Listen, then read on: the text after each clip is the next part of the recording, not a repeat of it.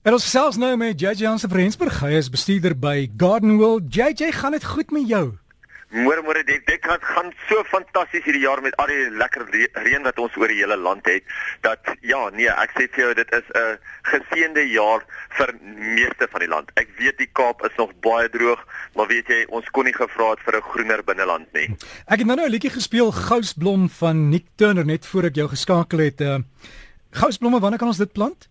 Ons gaan ons houtblomme nou saai. Kan ons nou saai? Dit daarvoor. Dit is ja nee. Die saaiing is eintlik al beskikbaar in die kwekery. Ehm um, maar vir jy, vir die ouens wat dit dan nie um, professioneel gekweek kry nie, jy kan hulle nou saai en jy en jy behoort 'n pragtige gousblom volop tuin te of kleurtuin te gedurende die wintermaande. En dan SMS gekry van iemand wat sê die geel varkore, hulle begin nou afgaan. Wat doen jy daarmee?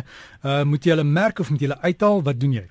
Ja, direk is nogal heel interessant. Dis deel van my gesprek van vandag is om te merk wat jy waar het in jou tuin en ook jou suksesverhale van 2016, 2017 se somer eintlik neer te skryf en dit te onthou om dit weer te herhaal sodat jy weet wat het goed gegroei in jou tuin, wat het goed gedoen waar in jou tuin. Jy weet want baie ouens skryf dit nie altyd neer nie en hulle vergeet eintlik van daai spesiale plante wat hulle baie graag wou geplant het en dan plant hulle dit nie. So ja, met jou varkore soos hulle nou af afgaan wegvrek in die grond in, moet jy hulle maar merk en later in die winter kan jy hulle eintlik oplig, kan jy hulle verdeel en kan jy hulle weer verplant sodat jy hulle vermeerder. Ja, en, maar op En jy jy's daai swart varkoor van jou daai skaarseën.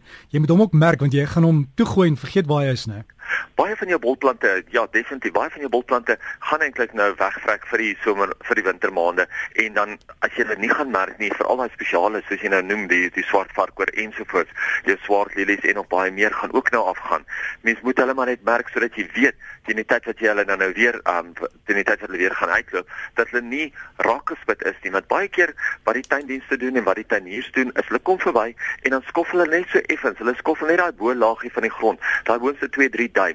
En daai boonste 2 3 duim is gewoonlik die 2 3 duim waarin die groeipunte ontwikkel van die bolplante. En dit is hoekom 'n mens nou moet versigtig wees dat 'n mens dan nie daai groeipunte eintlik dan nou gaan afbreek soos hulle dan nou weer ontkiem in die nuwe jaar nie, soos hulle weer uitloop in die nuwe seisoen nie. So definitief, merk dit en maak notas van laas jaar se suksesse. Jy sê iemand het ook gesê ek moet jou vra, hulle het uh, anthurium, uh, jy weet daai dismus blomme wat lyk soos plastiek met daai vingertjie, ja, maar hulle is groen, hoekom is hy nie rooi nie? Hulle sê hy kry genoeg lig jy kry groen variëteite. Net soos jy pink variëteite kry, net soos jy rooi variëteite kry, kry jy ook wel groen variëteite. So dit kan 'n groen variëteit wees wat lê het. Um oor die algemeen in, interessant, hou 'n Anthurium eintlik van minder lig. So 'n mens moet pas op om te veel lig te gee en ja, nee, ek dink hulle het maar dalk net 'n groen variëteit daarso. So is eintlik een van die skaars as hulle moet mooi oppas. Dit is een van die strategiese skaars, ja. Jy sê van die ander taakies in die tuin? Dat hy. Ons het nou met al die reën wat ons in die binneland gehad het, is al geweldig baie sampioene wat oral opkom en baie mense vra, wat kan ek eet en wat kan ek nie eet nie. Weet jy, ongelukkig is ek nie 'n kenner op sampioene nie en ek sou gesê dis as jy kan eet, vra vir 'n kenner of koop dit by 'n supermark, dan weet jy dit is veilig om hom te eet. Moenie nou net deur jou tuin gaan en net sampioene eet nie. Hulle sê daar's minder as 5% van die sampioene wat eintlik dodelik is, maar ongelukkig ken ek nie wat die 5% is nie en ek glo nie enige leek sal dit sommer ken nie. So pas op daarvoor. Baie mense sê nou weer sampioene op grasperke is 'n teken van termiete. Nou die manier wat die sampioene opkom, as dit in klompies klompies bymekaar opkom, ja, dit kan dit definitief 'n teken wees van termiete, want daar waar die termiete daai grasies bymekaar maak, is waar die sampioenspore baie maklik groei. So dit is gewoonlik 'n teken van termiete. daarmee sê ek 100% saam. Maar as jy sampioene het wat sporadies oor die hele grasperk opkom en nie noodwendig in klompies klompies bymekaar nie en dit is die groter wit sampioene en daai klein swart sampioentjies nie, dan is dit gewoonweg net 'n fungus en dit is maar net iets wat daar so oornag gaan wees. Iets wat jy regtig net gaan geniet. Um want hy groei maar net nou as dit lekker warm is en ook met al die vog. So dit is nie noodwendig om nou skielik uh jou eerste beste fungusdoder uit te gryp en van hom ontslae te raak nie. Kyk eerder waar het ek wel die termietprobleem? Behandel wel vir die termiete en die res van die sampioene geniet hulle net soos hulle is. Ek het net gepraat van maak notas van jou somertuin. Kyk wat was jou somertuin se sukses. Maar ook gaan deur en oes nou jou somertuin se sade. Want onthou met al die koeler aande wat aan is wat ons op die oomblik al klaar beleef, um of ervaar, gaan jou somersaailinge baie vinniger in saad ingaan. So dit is nou die tyd wat jy eintlik jou somersaailinge kan uh die, die saad van kan oes en dit kan stoor. Onthou as ons die saad oes, dan moet ons dit effens laat uitdroog. Jy kan byvoorbeeld nie 'n hele kop afrikaners net so vat en hom net in 'n in 'n houer gooi nie. Jy moet hom bietjie laat uitdroog en dan moet 'n mens hom in 'n papierhouer van 'n aard gooi, of dit nou 'n kartonboksie is, of dit nou 'n koevert is, of dit nou 'n breinpapier sakkie is enigiets van daai aard. Berre dit merk dit natuurlik, merk die kleur, merk die variëteit en berre dit erns in 'n laai wat jy net 'n nota nou al daarop maak om te sê wanneer moet jy dit weer saai.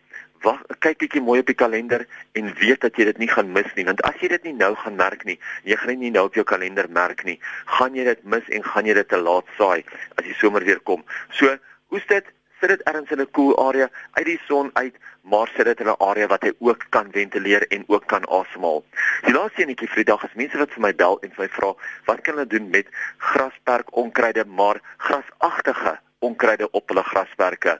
Hoe kan hulle daarvan ontslaa raak? Kan hulle iets spuit wat net die grasagtigheid gaan doodmaak of die grasagtige onkruid gaan doodmaak en nie die grasperk nie? Ek praat nou van baie van jou willegrasse, een van die bekendes is my gewone ou jongosgras wat 'n regte polgras is tussen jou pragtige grasperk. En nee, daar is nie iets wat 'n mens kan spuit wat fisies daai grasse gaan doodmaak sonder om jou eie bestaande grasperk dood te maak. Jy sê dit nou kokoejo uh buffelsgras, skaapplaas, LM enigiets van daai is nie. Onthou enige onkruiddoder wat 'n grasagtige plant gaan doodmaak, gaan ook jou grasperk doodmaak. Wat wat 'n mens wel kan doen is 'n mens kan 'n vooropkoms onkruiddoder of vooropkoms saadbehandeler kan 'n mens op jou grasperk uitspuit sodat enige sade wat daar ontkiem of dit nou 'n grassaad is of dit nou onkruidsaad is kan hy hom wel doodmaak. So gaan jy na so kry toe gaan vra 'n bietjie vir hulle, wat kan ek op my grasperk spuit wat wel die sade keer om op te kom, sade keer om te ontkiem. Want wat hoe hulle werk is soos die saad ontkiem, maak jy daai kiem worteltjie dood en dit is nogal heel eenvoudig, heel belangrik om te gebruik. Dan weet jy vir die volgende 3 tot 6 maande het ek nie daai probleem nie. So gesels ons dan tuin maak hier saam met JJ Jansen van Rensburg huis van Garden World en as jy JJ wil e-pos is JJ by Garden World. Ben see open zeta en sterkte met die tuin maak.